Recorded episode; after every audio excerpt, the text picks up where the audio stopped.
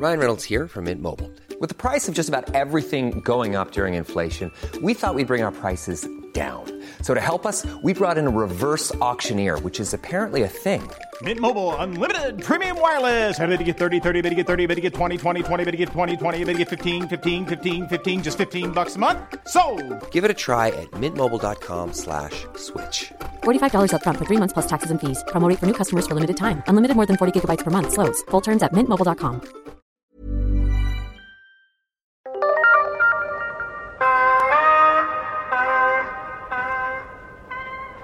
Midt i verden ligger Midgard. Dette er menneskenes heim. Hvis man rir over regnbruen Bifrost, fra Midgard så kommer man til Åsgård. Her bor gudene i en stor borg.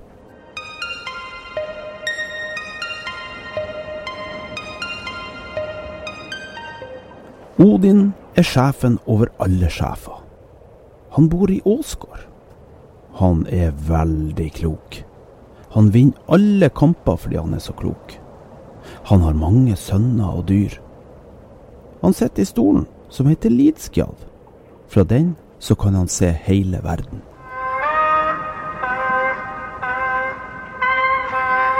Frigg er Odins kone, og hun bor i Fensalir. Hun er gudinna over ekteskapet, og elsker sine barn overalt i verden. Hun er redd for at noen skal skade sønnen Balder, og får alle levende og døde skapninger til å sverge at de ikke skal skade ham.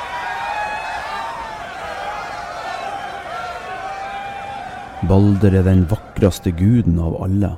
Han er Odins øyesten. Han bor i Breidablikk og følger med på verden. Da de andre gudene får vite at ingenting kan skade ham, så prøver de alle slags våpen. Ingen våpen kan bite på Balder.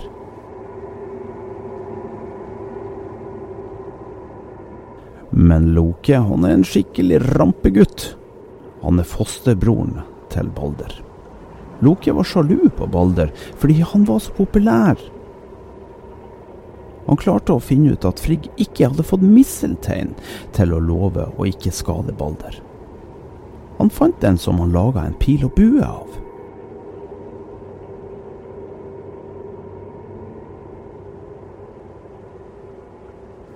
Odins sønn Hod, han var blind. Loke lura Hod til å skyte Balder med buen som var laga av misseltein. Balder døde med en gang. Frigg ble utrøstelig trist. Hun ville ha Balder tilbake. Hermod var Balders bror. Han var den eneste som torde å ri til dødsriket. Han ridde i ni dager på Odins hest Sleipner. Dronninga over dødsriket, hun Hel, hun svarte at om alle levende og døde ting i verden gråt over Balders død, så skulle han få komme tilbake. Alle gråt. Unntatt Jotunkvinnen Tok. Gudene trodde at Tok var Loke i forkledning. Jotuna, det var store og dumme troll. Og Loke, han var halvt jotun.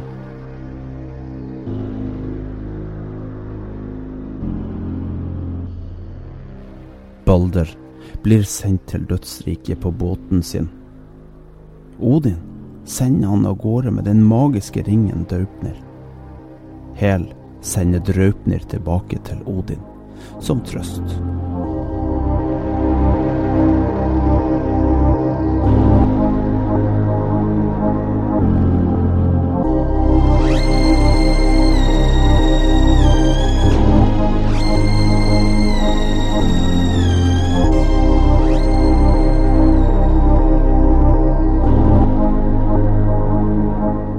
Eh, fikk vi med oss Balders død, som er jo et eh, episk eh, historiefortelling med masse mora moralske pekepinner, eh, egentlig, fra den som en gang i tida har skrevet det.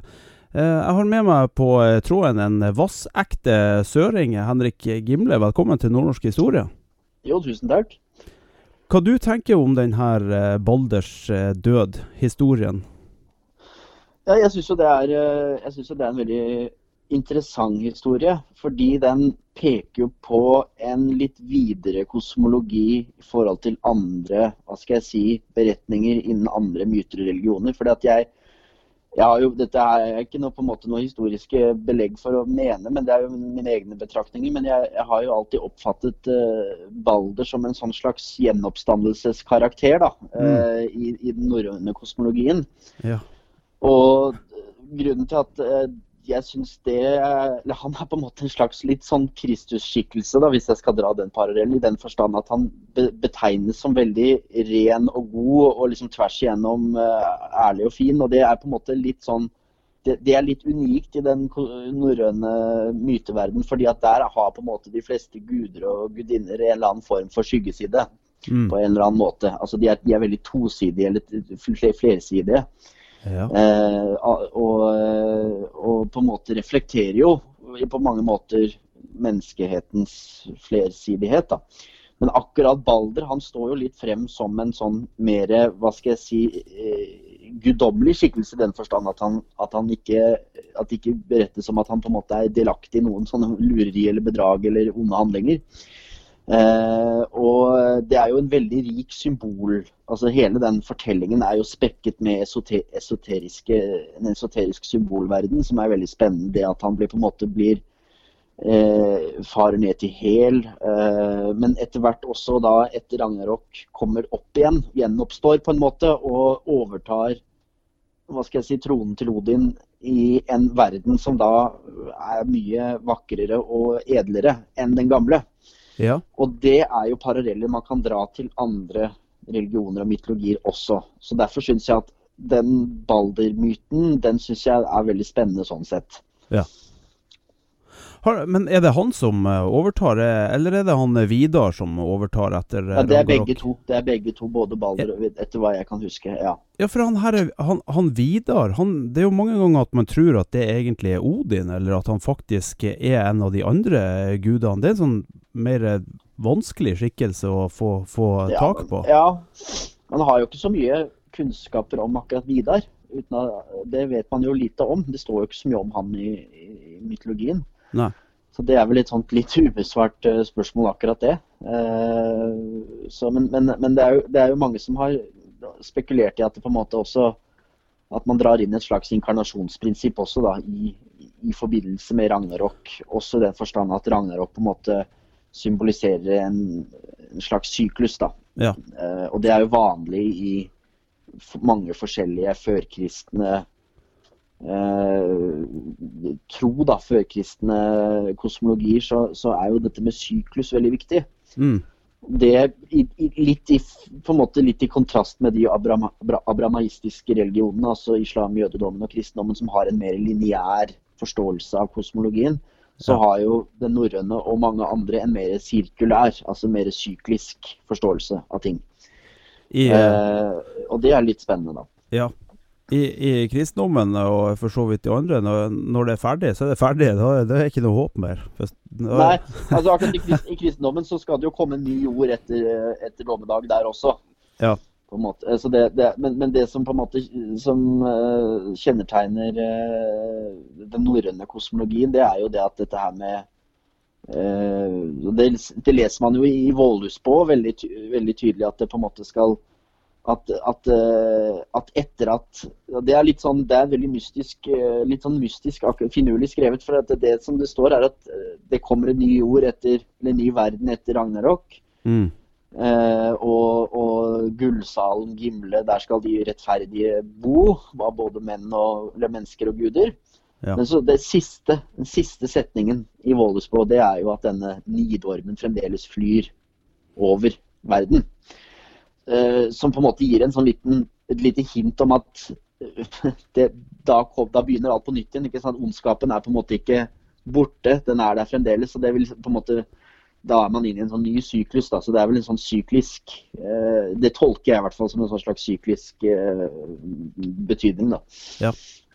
Du, eh, vi, vi, har jo, vi har jo en slags syklus eh, i historien, altså i den ekte historien med klima i, i Nord-Norge, og det er sikkert i hele verden, altså ca. 500 år. så, så skjer det store endringer altså i løpet Mm. av de 500 år. Og, og vi vet jo det her fordi at torsken flytter seg, og alt det dreier seg jo om torsk i, i Nord-Norge. Ja. Eh, Så vi vet jo at det er klimaendringer sånn med svingninger på 500 Mm. år ca. Eh, Mm. pl- Pluss at vi har jo hatt store mm, både folkevandringer, men, men eh, også eh, de her vulkanene på 500-tallet som, som forårsaka Finnbølvinteren. Mm. Tror du at religion har endra seg også, sånn at man har måttet tilpasse seg? For etter hvert så kanskje ikke den, den, den gamle norrøne troa passa seg, og så fikk man en endring? Man tilpassa seg rett og slett? Jeg, jeg tror i hvert fall det skjedde et veldig paradigmeskifte ved 500-tallet når den endringen skjedde. For det, det vi ser forskjellen på, er jo det at eh, religionsutøvelsen før den, altså hvis vi ser på romersk jernalder og, og, og før den tid også i og for seg, men også folkevandringsstrid, så, så ser du det at eh, fruktbarhet er veldig viktig. Fruktbarhetsgudene. Altså da eh, og, og liksom den njord- og nertus-kulten som er så viktig, som romerne bl.a. skriver om. De kaller det nertus, men det er jo på en måte en, en njord- njord-inkarnasjon. Mm. Eh, og, og, og der ser vi på en måte at det, og disse fruktbarhetsritene var nok veldig vanlige da også. At man hadde disse fallossteinene. Man har jo funnet masse av i Norge. Ja. Eh, og man har funnet mye sånne fruktbarhetssymbolikk. Men så ser vi det at Og det, det tyder på at man var veldig det, det indikerer i hvert fall et relativt fredelig samfunn med fokus på vekst og grøde. Og så, så ser man jo det at etter dette svære skisma, eller denne voldsomme omveltningen på 500-tallet, og når samfunnet da begynner å reetablere seg igjen etter den krisa, da er vi jo kanskje på slutten av 600-tallet og inngangen til vikingtida, så ser vi at, at eh, det krigerske blir mer viktig. altså Man får, mer, man får en mer krigersk eh, struktur rundt det. Hele Thor blir jo veldig viktig. som en, i stedet, altså Disse gamle fruktbarhet, jakt og som jaktgudene, ull og skade, disse gamle jaktgudene blir mindre viktige. Mm. Og også Njord og i og for seg også, og, og, og alle de um, gamle fruktbare frøy får en mindre viktig rolle osv. Og det som da kommer frem igjen etter det, er jo eh, den krigerske Thor, konflikt. Eh, Odin gjøres jo på en måte mer om Han var jo før en mer sjamanistisk kultgud. Ja. En slags sånn eh, som, hadde, han- som på en måte brakte fram runene. Som han er en, på en måte en slags, har en, sånn, en slags sjamansk preg. Ja. Og man har jo også spekulert i at navnet Odin er en veldig gammel protogermansk betydning av ordet profet, eller en som på en måte gammel indoeuropeisk nattgud. Men etter det 500-tallet så ser vi at Odin tar mer rolle som krigsgud, med Valhall og, og hele den biten der. Så du ser at det blir en endring i hele Og det gjør at vikingtiden er nok en I hvert fall i begynnelsen så er nok det en, en trang tid. Det er, det er liksom dårlig landbruk, det er overbefolkning. Man må, komme, man må reise ut for å finne nye jaktmarker. Mm. Og da blir det mer konflikter. Det ser vi jo. Vikingene har eh, raider mer, de drar på tokt. Og det er antakeligvis store konflikter også innad i Skandinavia også, med forskjellige småkonger osv. Så, videre. så det, det blir en mye mer konfliktfull hverdag. Og da ser vi det også på mytologien at, at eh, konfliktene blir større. Og så er det noen som har spekulert i det at det faktisk var store også, hva skal jeg si, rivalisering mellom Odin-kulten, som var på en måte representerte den gamle sjamanistiske eh, kulten, og den mer moderne krigerske Thor-kulten, da, hvorav Thor-kulten da vant i gåseøynene og fikk en eh, større betydning. og det er Derav alle disse Thor-sjammerne som man har funnet i vikingtid. Og ikke minst sånn som Adam von Bremen beskrev når han besøkte det hedenske tempelet i Uppsala, så ser han at guden Thor har en, den, har den, er den største statuen inne i det tempelet. Mens eh, Odin og Frøy har fått en litt mer tilbakeholden rolle. ja. Men er Thor fortsatt sønn da til, til eh, Odin og, og Frigg? Ja, ja. Og, ja, ja altså, jeg vil jo tro det, at vikingene betraktet eh, han som sønnen til Odin og Frigg. Ja. Eh, og Thor er nok en gud som har eksistert før vikingtida, og som også er fra romersk jernalder. Men jeg tror han fikk en større, en, en mer betydningsfull rolle. Odin på en måte man, man, det, var, jeg tror det, jeg, og det ser vi jo på alle stedsnavnene i Norge. Torsvik, Torshavn, Tors Alle disse du kan du nesten finne overalt i Norge, så finner du et eller annet sted som begynner på Tor. Ja.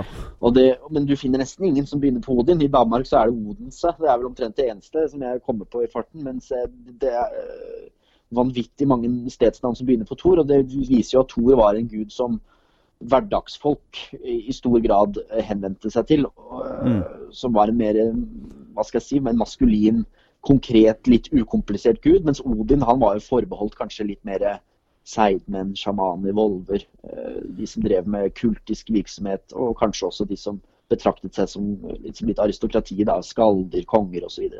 Ja, for er, er, er, det noe man har lett for å glemme? At uh, kanskje religionen bare var for de viktige i samfunnet? Eller tror du at det var for alle? Nei, den gamle norrøne altså den gamle norrøne religionen var for alle. har inntrykk av. Alle tok jo del i blot, og alle tok jo del i, i de religiøse seremoniene. Ja, Selv eh, helt ned i de laveste kastene, sånn som uh, trell og Ja, det vet man jo ikke så mye om, men jeg vil jo anta det, da. Hvis, eh, mindre, altså, hvis, hvis trellene på en måte var av norrønt opphav, så vil jeg jo tro at de også hadde sine guddommer som de henvendte seg til. Ja. Riktig. Du, det er jo en annen ting som for å hoppe tilbake til han eh, Balder, så er det jo mange som trekker Du, du trekker jo parallell til, eh, til, Jesus. Noen trekker også parallell til Akilles. Eh, mm. Tror du at mange av de her figurene bare blir adoptert, altså fra gresk til romersk og fra romersk til norrønt, og så tar man det videre inn, faktisk inn i kristendommen òg? Nei, altså, for det er nok riktig det at alle de førkristne religionene, romersk, gresk, norrøn, keltisk osv., og finsk-urgrisk, de har nok et felles indoeuropeisk opphav. Fordi mm. alle Europe, hele Europas befolkning kan spores tilbake til en indoeuropeisk ur, altså sanskrit, altså indiske. Og hvis man ser på den hinduistiske mytologien, så er det veldig mange fellestrekk med mange. Man kan, legge, man kan dra en del paralleller da, mellom en del av, av gudene. Eh, men, men, den kristne troen, den, den tror jeg ikke der, der, Det skjedde jo da en der var det noe nytt som skjedde. Uh, så skal ikke jeg gå inn i noen diskusjon om hvorvidt Jesus eksisterte eller ikke. Jeg tror han eksisterte. Uh, men, men, men, det er klart at det, det, på en måte representerer et helt, et nytt, helt ny skisma, da, helt ny dogme. Jeg tror ikke, jeg tror ikke, jeg tror ikke den, den, kristne dogmatikken er basert på noen av de førkristne skikkene. Det tror jeg ikke. Nei. Men, men eh, hva, hva, som gjorde at eh, det til syvende og sist eh, gikk inn her også, da, med, med kristendommen? Når er faktisk så forskjellig? Jeg, jeg, jeg, tror det at det som skjedde, var at veldig mange vikinger som var ute på tokt, de etablerte seg jo nedover Europa. Og noen dro tilbake igjen inn til Norge og hadde med seg Enten så var det sikkert en del som frivillig, holdt jeg på å si, eller som ble inspirert av den nye troen og så syntes den var, var, fin. Og så adopterte man kanskje Jesus som jomfru Maria som en av sine guder ved siden av alle de andre.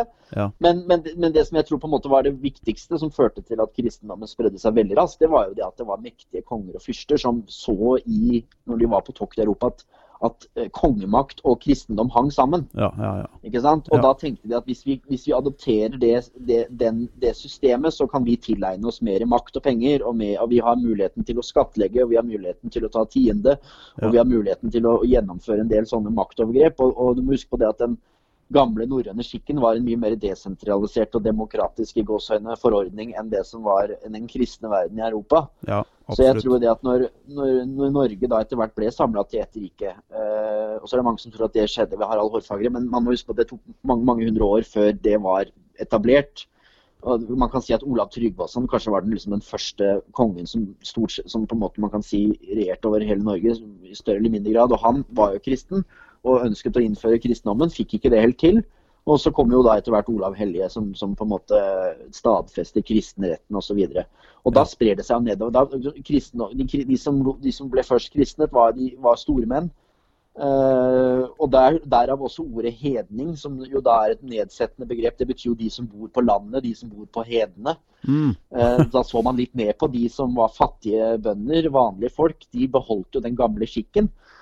Uh, mens rikfolk og aristokratiet, adelskapet, tok til seg kristendommen. Og så gikk det jo noen hundre år utover middelalderen, og så spredde jo kristendommen seg videre nedover i de forskjellige sjiktene, da. Ja, ja. Jeg er jo ikke av den oppfatninga at uh, verken Ola Tryggvason eller, eller, noen i det hele tatt etter det, før kanskje Magnus Lagabøter på rundt 1270, hadde med Nord-Norge i denne samlinga. Så jeg tror samlinga var fra Trøndelag og sørover. Der er jo ingen sånn håndfaste bevis på at eh, Hålogaland var underlagt denne Nei, altså det eneste man har vel er at uh, i førstningen sånn på 1000-tallet så, så, fikk man jo gjort en avtale. og Den var nok veldig løs, vil jeg tro, men det var jo det at kongen i sørpå inngikk en avtale med ladejarlene i Trøndelag. Og så hadde ladejarlen igjen en viss, viss kontroll over nordlige landsdelen. Eh, men jeg vil nok tro, som du sier, at eh, Nord-Norge beholdt stor del av selvstendigheten sin. Eh, I hvert fall fram til borgerkrigen starta. Jeg tenker, jeg, jeg tror, Der er jo en sånn samling som, som skjedde i, rundt 1270 med Magnus Lagabøter etter at broren hans, eller nei, faren Håkon Håkonsen døde. Mm. Eh, og, og, der har det jo vært nevnt, kanskje. Men, men fortsatt så er jo den her bjørkeslekta veldig sterk helt fram til eh, langt inn på 1300-tallet. 13 ja, den, den, er nok det. Men jeg, de, de, var nok på en måte underlagt tror, en slags form for sentralmakt. Men de, jeg tror altså, det, var, det, det, var, nok stor og det, Sånn var det jo i middelalderen. Altså, det ser du på alle andre land i, i Europa i middelalderen. Du hadde én konge, og så hadde du masse jarler og stormenn som i de facto hadde 100% kontroll over sitt område. Det var jo veldig vanlig f.eks. i det tysk-romerske riket. Der hadde du en tysk-romersk keiser.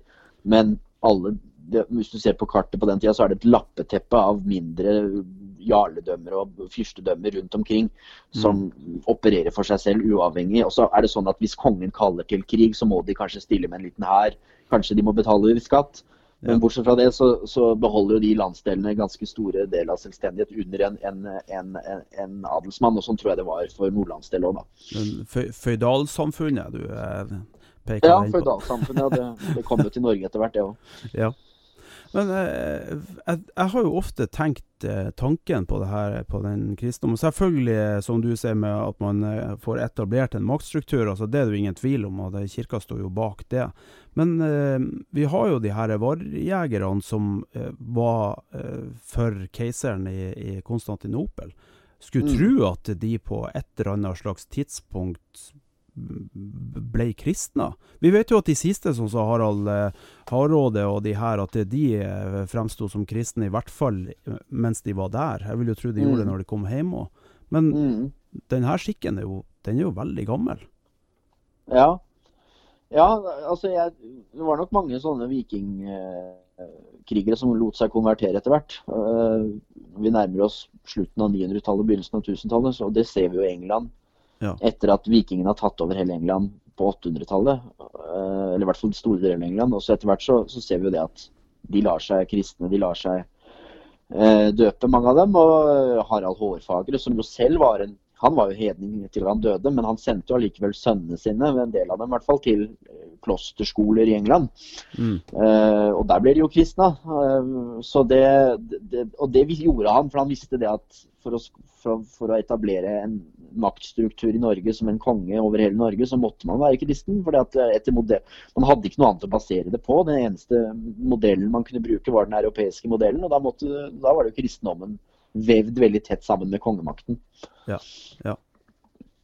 Du, eh, du, bor jo i et eh, område som er nesten like interessant som eh, området jeg bor i. Mm. Jeg hørte noe, bare for å snakke litt mer om Balder og det her med, med død. og jeg hørte at de har funnet ut at Jeg tror, lurer på om det var både Osebergskipet og Gokstadskipet og alle de tingene som var med. Det var ikke bare de levende tingene som måtte avlives for at de skulle kunne komme til neste. Måtte, man måtte faktisk drepe skipene òg. Ja. Det, det, det, det, vet jeg ikke så mye om, akkurat det med skips... Altså, men det, vil jeg jo tro, siden de da begravde det.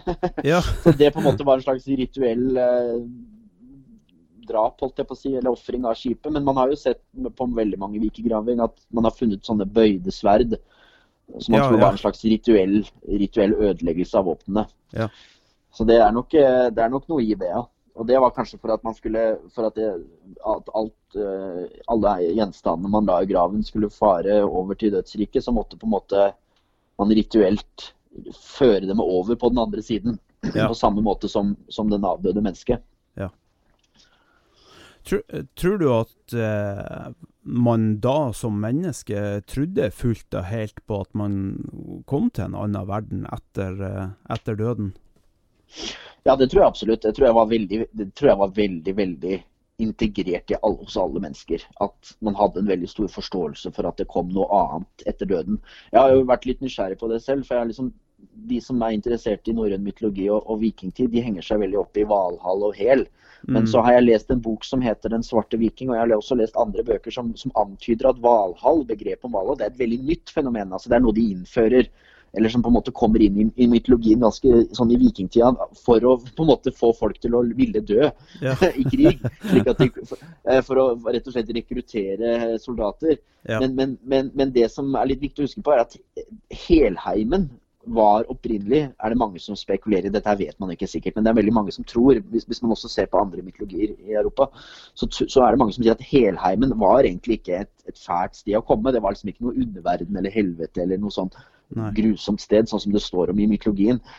Helheimen var rett og slett dødsriket, og, og dødsriket kunne være en, en, det kunne være hva som helst, egentlig. Kunne, mange snakket om å komme til forfedrenes saler.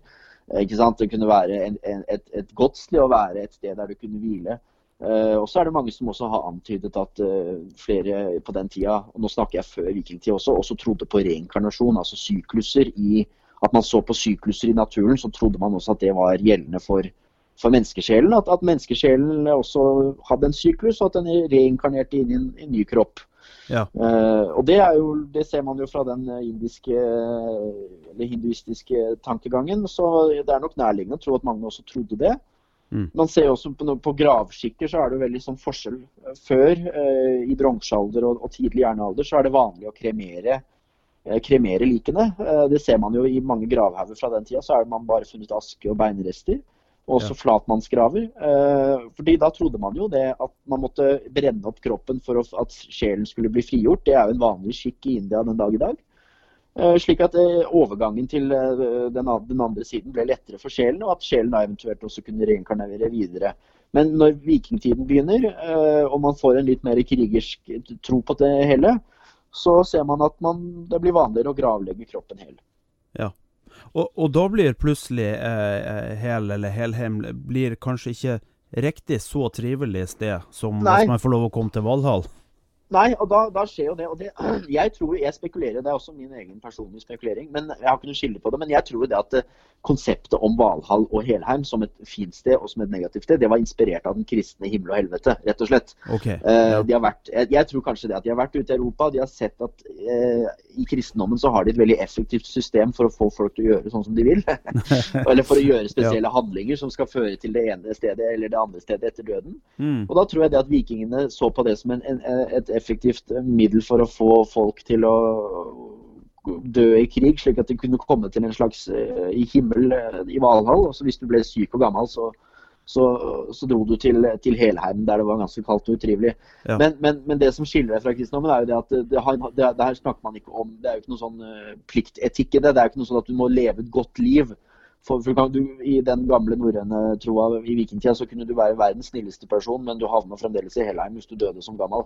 Ja. Eh, så, så, så, det var liksom ikke det som var på en måte pekepinnen. Så det skiller det seg litt. Men jeg tror det at hvis du går enda lenger tilbake, bronsealder og tidlig jernalder, romersk jernalder, så, så, så, ser man på etterlivet mer som en sånn uh, reise, vandring inn i noe annet. Og så er man kanskje ikke helt sikker på hva det er. Mens, mens etter hvert som vikingtida trår videre framover, så, så, får man et litt mer konkret syn på det. Ja. For det var vel flere, flere dødsriker? Det var ikke bare de to? Nei, man hadde jo Frøya hadde jo en, hadde jo en eh, Folkheim, eller Folk... Eller hva det heter, jeg glemte navnet. Folkvang, var det? Folkvang, ja. Selvfølgelig. Ja. Folkvang. Uh, og som, som, noen av de døde krigerne kunne komme til. og det var jo, Man hadde jo forskjellige haller. da, hadde, Thor hadde jo sin hall og osv. Så, videre, og så, videre, så det var ja. nok eh, og det, Du må huske på det at det, det, det, lille vi vet av dette, her er jo skrevet av Snorre stort sett, og noen gamle mm. skrifter som noen munker skrev ned. Ja. Så man vet jo ikke hele kosmologien 100 Jeg tror jo det at det var mye mer komplekst, akkurat det dødsrike begrepet, da, enn det som Snorre har skrevet ned. Ja. Det kan jo hende at mye av dette har vært farget av hans kristne syn også. Men eh, dronninga, altså dødsdronninga, hun, hun Hel sjøl, hun, hun, er jo da datter av han Loke. Ja. Når kommer Loke inn i bildet? For det er jo en merkelig så, som, er, mm. kan, så, som da er halvt Jotun, og Jotun igjen er jo kanskje urgammelt, for alt vi vet? Ja, Loke er jo det største mysteriet i, i hele den norrøne kosmologien som har fått historikere og religionshistorikere til å klø seg i hodet i mange hundre år. For at man vet rett og slett ikke hva slags figur er han, hva slags hensikt har han. Man har ikke funnet noen runeinnskrifter om Loke, man har ikke funnet noen avbildninger av han på noen sånne steiner. Man vet rett og slett ingenting om han. Uh, men det man ser, er at han har et et veldig spesielt bånd til Odin. altså De blander jo blod på et vis. Mm. Eller på et tidspunkt. Og, og, og, så er det, Hvis du leser en av disse bøkene, som jeg ikke, jeg tror det er Gro Steinsland som skrev den, så, så spekulerer hun jo i det at Loke på en måte appellerer til Odins Jotun. For han er jo selv halvt Jotun. Ikke sant? Ja. Og, og, og, han, og Jotun er på en måte ikke bare troll og tusser, det er jo naturkreftene. Altså de kaoskreftene i naturen. Det er jo ikke nødvendigvis en ond Det er ikke noe ondskap. Det er ikke, noe, det er ikke noe nødvendigvis på en måte selv om de blir fremstilt sånn litt i populærlitteraturen at, at jotnene er slemme liksom, og, og, gudene er gode, så er det jo ikke sånn i den norrøne kosmologien. Nei. Der jotnene representerer de urelige kosmoskreftene eller de naturkreftene som gud, verken guder eller mennesker har noen kontroll over. Eh, i, i, stor grad, og, og, og, Loke kommer jo inn som en sånn slags tvetydig person som uh, representerer både de kaoskreftene men ved at han blander blod med Odin, også kanskje innehar litt guddommelighet i seg. Mm. Samtidig som du også ser den samme tvetydigheten i Odin selv, som også er eh, halvt Jotun og har disse kreftene i seg. Han har denne kaoskreftene i seg, denne uregjerlige dramatiske Disse urkreftene, da, kan du si. Ja. Samtidig som han er guddommelig. Eh, og, og eh, den relasjonen mellom Odin og Loke er det jo mange som har snakket mye om og spekulert mye rundt. Men det er noen som tror at Loke kommer fra Loge, altså, som betyr ild. Altså at han er en ildgud, en gammel ildgud fra mm. langt, langt tilbake i tid. Ja. Men det her vet man jo veldig lite om, da. Det er jo litt sånn humoristisk. Jeg bruker nå å humre litt eh, når jeg ikke er forbanna på de som eh, misbruker de gamle symbolene. Man kan være nazister eller andre som eh, kanskje ikke helt uh, kan historien. For hvis du ser både på Loke og Odin, så uh, fremheves det jo som en kvalitet at de kan gjøre seg feminin. At de kan gjøre seg til? Feminin. Ja, ja, ja. ja absolutt. Plutselig er de kvinnfolk.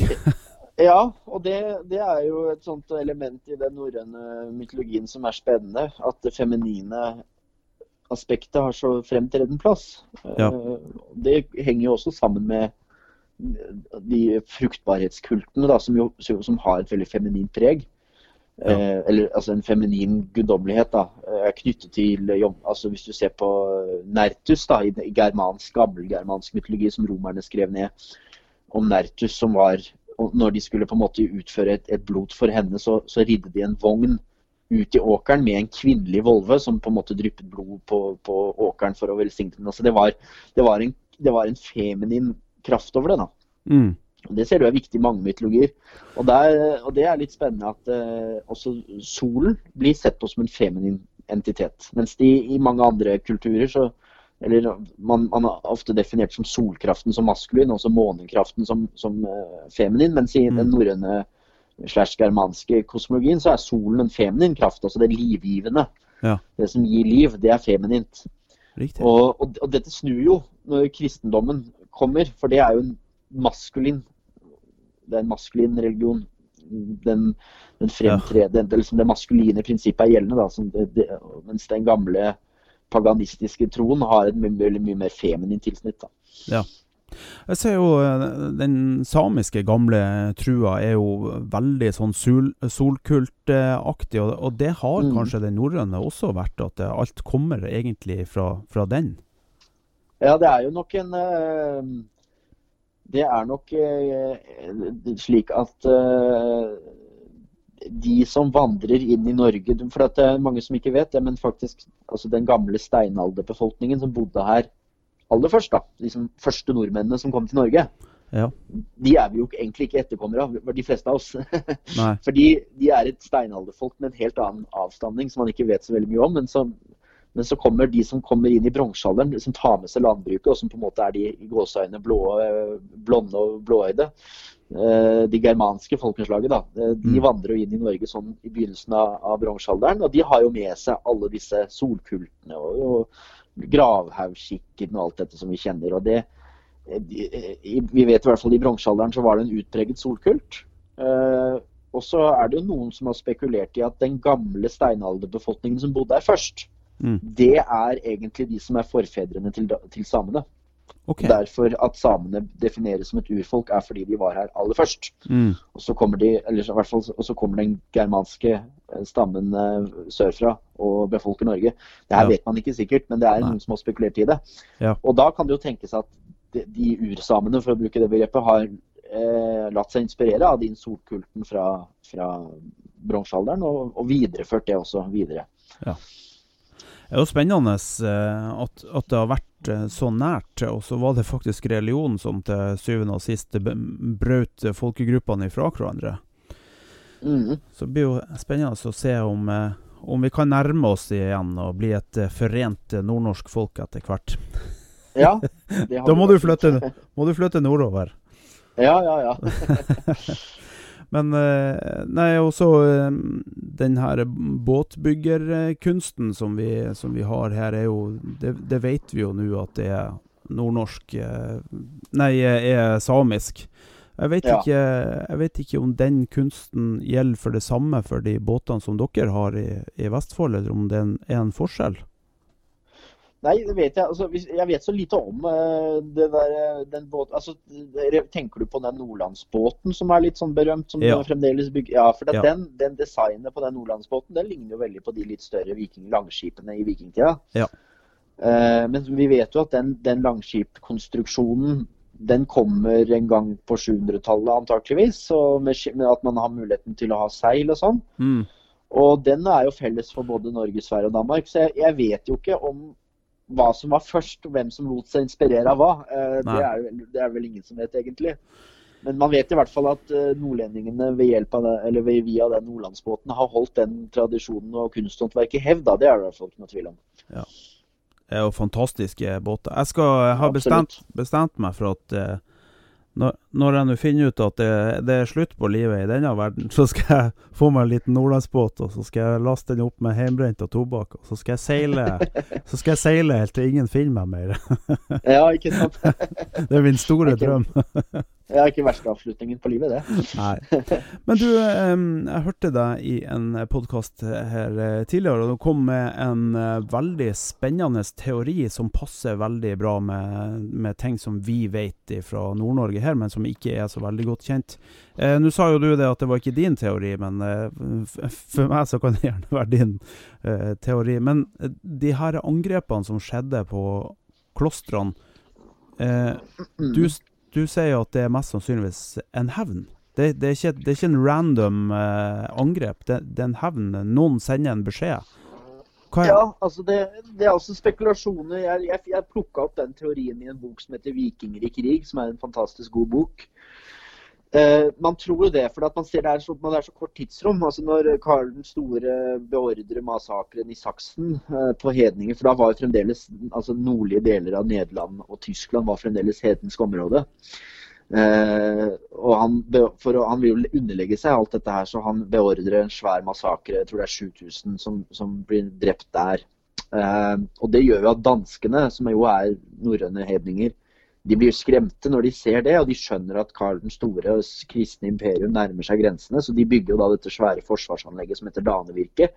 Den har nok, Danevirket har nok vært der tidligere, men de, de, de, gjør den mye sterkere og større.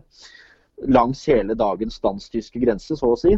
Uh, og der klarer de å holde stand mot hele det apparatet til Karl den store.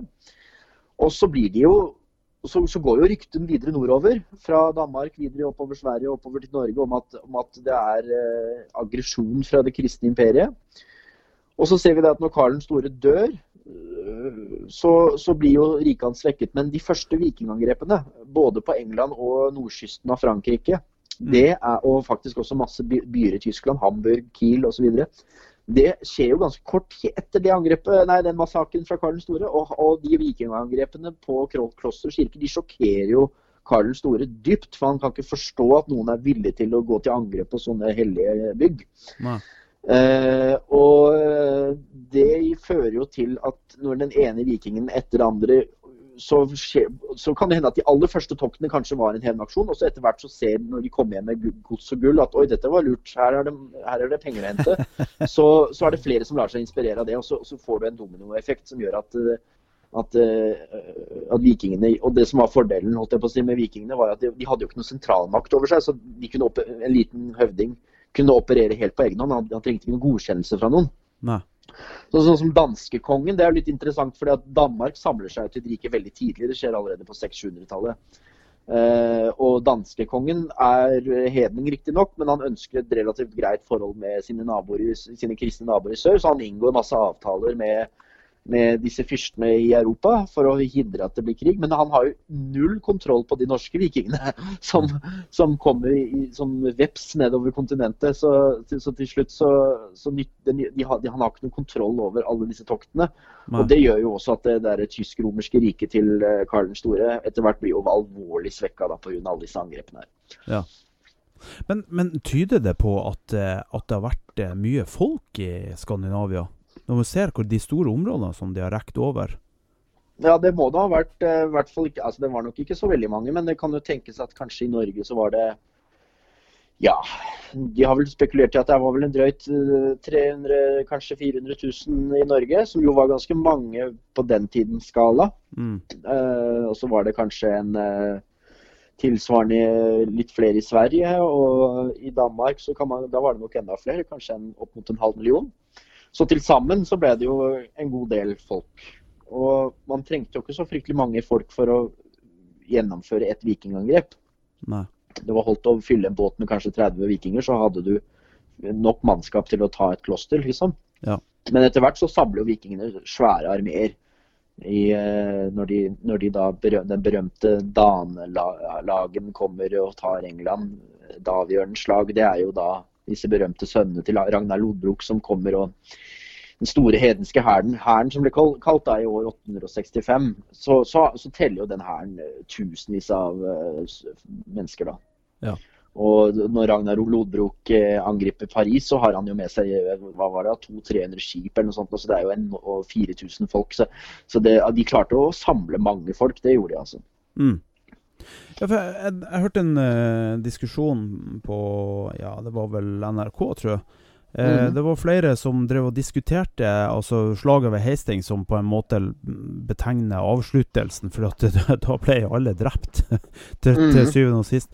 Uh, men, men, der klarte de ikke å bli enige om hvor mange norske soldater det faktisk var. For at det var jo Leidangen som var kalt ut, og så begynte de å diskutere på hvor mange hvor mange skip det egentlig var i Leidagen. Mm. de kom aldri fram til noe svar, men det varierte jo ifra eh, Ja, jeg tror det var nede i 100 skip, og så kanskje opp til 1000. Ja, ja, nettopp. Ja.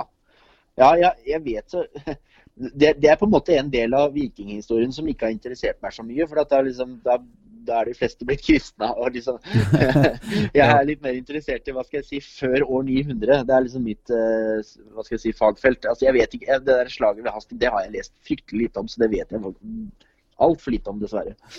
Ja, for da var de kristen? Var ikke... ja, det var, det var, jo alle da var han Harald Hardråd var jo kristen, han også. Så, ja da, han var jo det. Han var faktisk fetteren til Ola den hellige. Mm, stemmer. Men, eh, nei, men det eneste som gjør det veldig interessant, det er jo at de på en måte prøver å finne ut av de her tallene. For jeg syns det er litt interessant, for at man får et sånn inntrykk av at det er enormt mye folk. Men som du sier, så egentlig så var jo ikke de slagene så store som man ser for seg, eller som man ser på film osv. Nei. Um, Nei, det var, det var, nok ikke så voldsomme dimensjoner på det. Uh, I hvert fall ikke i begynnelsen av vikingtida. Men så som sagt, når, de, når, når veldig mange høvdinger med, slo seg sammen til en hær, så ble det jo flere. da, Sånn som den store hedenske hæren i, i, England. Den må nå ha vært enorm. at Den slo ut nesten alle engelske kongedømmer i løpet av bare noen få år. Så det, ja. det var nok eh, ganske store folkemengder, ja. Men det er klart det var stort uh, trøkk fra, fra både sør og og nord etter hvert mm. i, i, England. Så det var sikkert ikke så greit å være engelsk konge heller. Nei, det var nok ikke det. Særlig siden også de engelske kongene hadde sine uenigheter seg imellom. Ja. Eh, Det interessante er å se på Irland f.eks. Der er det jo også den lille øya, så er det kanskje snakk om 100 kongedømmer eller sånt. Og det er vanvittig mange keltiske konger som alle kriger mot hverandre. Ja. Og så kommer på en måte vikingene oppi det der vepsebordet der, og de utnytter jo alle disse indre stridighetene. Og noen allierer seg med noen konger, og, Ja. og, så, og så videre og så videre. Så det, det, var nok, eh, det var nok ideelle forhold politisk sånn sett for vikingene å komme på det tidspunktet når det var så mye kaos i Europa. Men du, eh, du er jo i Vestfold, er du ikke det? Jo, jeg bor i Vestfold, ja. Jeg har ofte gått og tusla ned i denne Våreparken. eh, ja. Og jeg får en sånn følelse at det der er mye gamlere enn det man får presentert. Er det gjort noen dateringer på eh, Ja, man har funnet ut, og det gjelder for de fleste store vikinggravfelt i hele Sør-Norge i hvert fall, at det er stammer fra bronsealder, det meste av det. Så Ja. det går faktisk så langt tilbake. For det var vanlig det at når man etablerte et, en hellig, en storsete, eller en helligdom, eller et hellig felt, sånn som Borre, både Borre i Vestfold og Gjelling i eh, Vest Østfold, er jo eksempler på der man har sett at det er eh, store, svære haller og gravfelt side om side. Ja. Eh, Og også kort vei til, til sjøen med store hav, hav, havneanlegg som på en Ja. viser at dette her var svære forhold. Og Da ser man jo funnet ut at man har datert dette her tilbake til bronsealder. Så da snakker man faktisk om en kultkontinuitet på ca. Eh, 3000-4000 år. Og og det er jo helt enorme tidsepoker det er snakk om her, altså. Eh, Ja. Så, det, det, så du kan tenke deg at hvis, hvis, Det er vanskelig for oss å forstå, men hvis du kan tenke deg en person på vikingtida står altså på en, på en grunn som har vært brukt i 3000-4000 år til samme formål, altså hellige ritualer, eh, gravlegging eh, og for å markere et stort kongedømme, eh, så, så gir det litt dimensjoner. Altså. Det, og det her gjorde man jo for å befeste en mektig familie som hadde der det antakeligvis kunne spore de, sine forfedre tilbake til bronsealderen. Ja. Det ser man jo også på i Haugesand, Haugalandet. Der er det også et sånt stort stort øh, Der har man funnet masse vikingrester av både langhus og gravhauger. Der, rett ved siden av det feltet så ser man den, de står der den dag i dag, svære bronsealdergravhauger. Så det viser jo det at, at, at dette her går langt tilbake i tid. Det er jo en annen ting med Borre som er så jævla spennende. Så det er jo det vi ikke ser, det som er rett under vannskorpa. Mm, mm. Eh, der må jo være en spesiell historie. Men det viser jo òg eh, hvordan havnivået har eh, gått, gått eh, opp og ned. Men eh, hva det er, havneanlegget går en 100 meter ute i, ut i fjorden, gjør det ikke det? Jo, det, det stemmer. De har jo funnet rester etter sånne svære moloer og voller og sånt noe ved strandkanten der. Ja. Eh, Så der har det vært, eh, der har det vært svære Så jeg, jeg vet ikke akkurat hvordan det har vært med vannstanden akkurat der, men, men man har funnet disse svære havneanleggene i hvert fall. og Det tyder på at det var et stort maktsentrum. Ja, det var vel for at man, kunne, man skulle kunne eh, seile inn de døde, var det ikke det? Altså at man kunne ta de fra, rett ifra havet? Jo, altså de skipsgravene er jo etablert nær vann, Ja. naturlig nok, slik at det skulle være enkelt. Men, men, eh, men det var også en fordel å ha disse høvding, svære høvdingsetene nær vann, slik at høvdingen raskt kunne komme seg hit og dit. Og ikke minst eh, ha kontroll over handelen, da, som jo i stor grad gikk langs sjøveien. Mm. Det var jo veldig viktig at man kunne ha f.eks. toll og skattlegging på handelsruter. da. Ja. Eh, Så det, det ser man jo også i Haugesund, som er på en måte den eh, eh, Der er det jo en av de viktigste handelsrutene videre nordover, eh, helt opp til Nord-Norge. Der var det viktig for de høvdingene som hadde det tilstellet, å kunne på en måte lage tollsystem og kunne skatte av, av handelen. Nei, fantastisk eh, historie. Vi skal eh, avslutte eh, dagens nordnorsk historie med en, en liten sak fra Edda som Jeg vet ikke om Eller du kjenner sikkert til den, men han Loke på et tidspunkt så har han Han har klart å lure seg sjøl opp i et hjørne, så han, han må faktisk gjøre seg om til hest.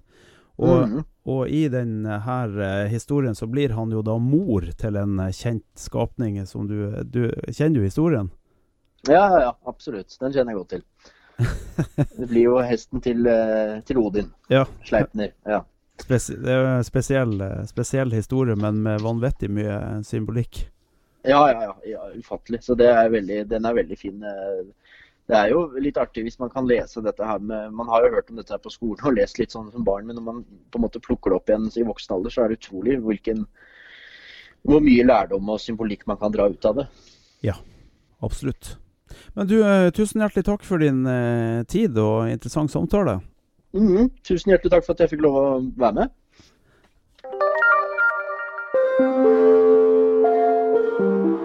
Det her er historien om en gang det kom en jotun til Æsan og tilbød seg å bygge en sikker mur rundt Åsgård på bare én vinter.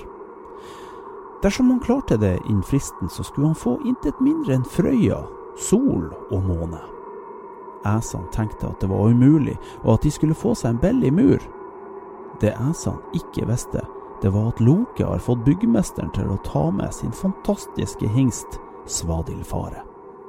Med den går arbeidet fort unna, og æsene blir snart bekymra. Tre dager før fristen går ut, ser det ut som at æsene vil miste både Frøya og sol og måne, og de krever at Loke må ordne opp.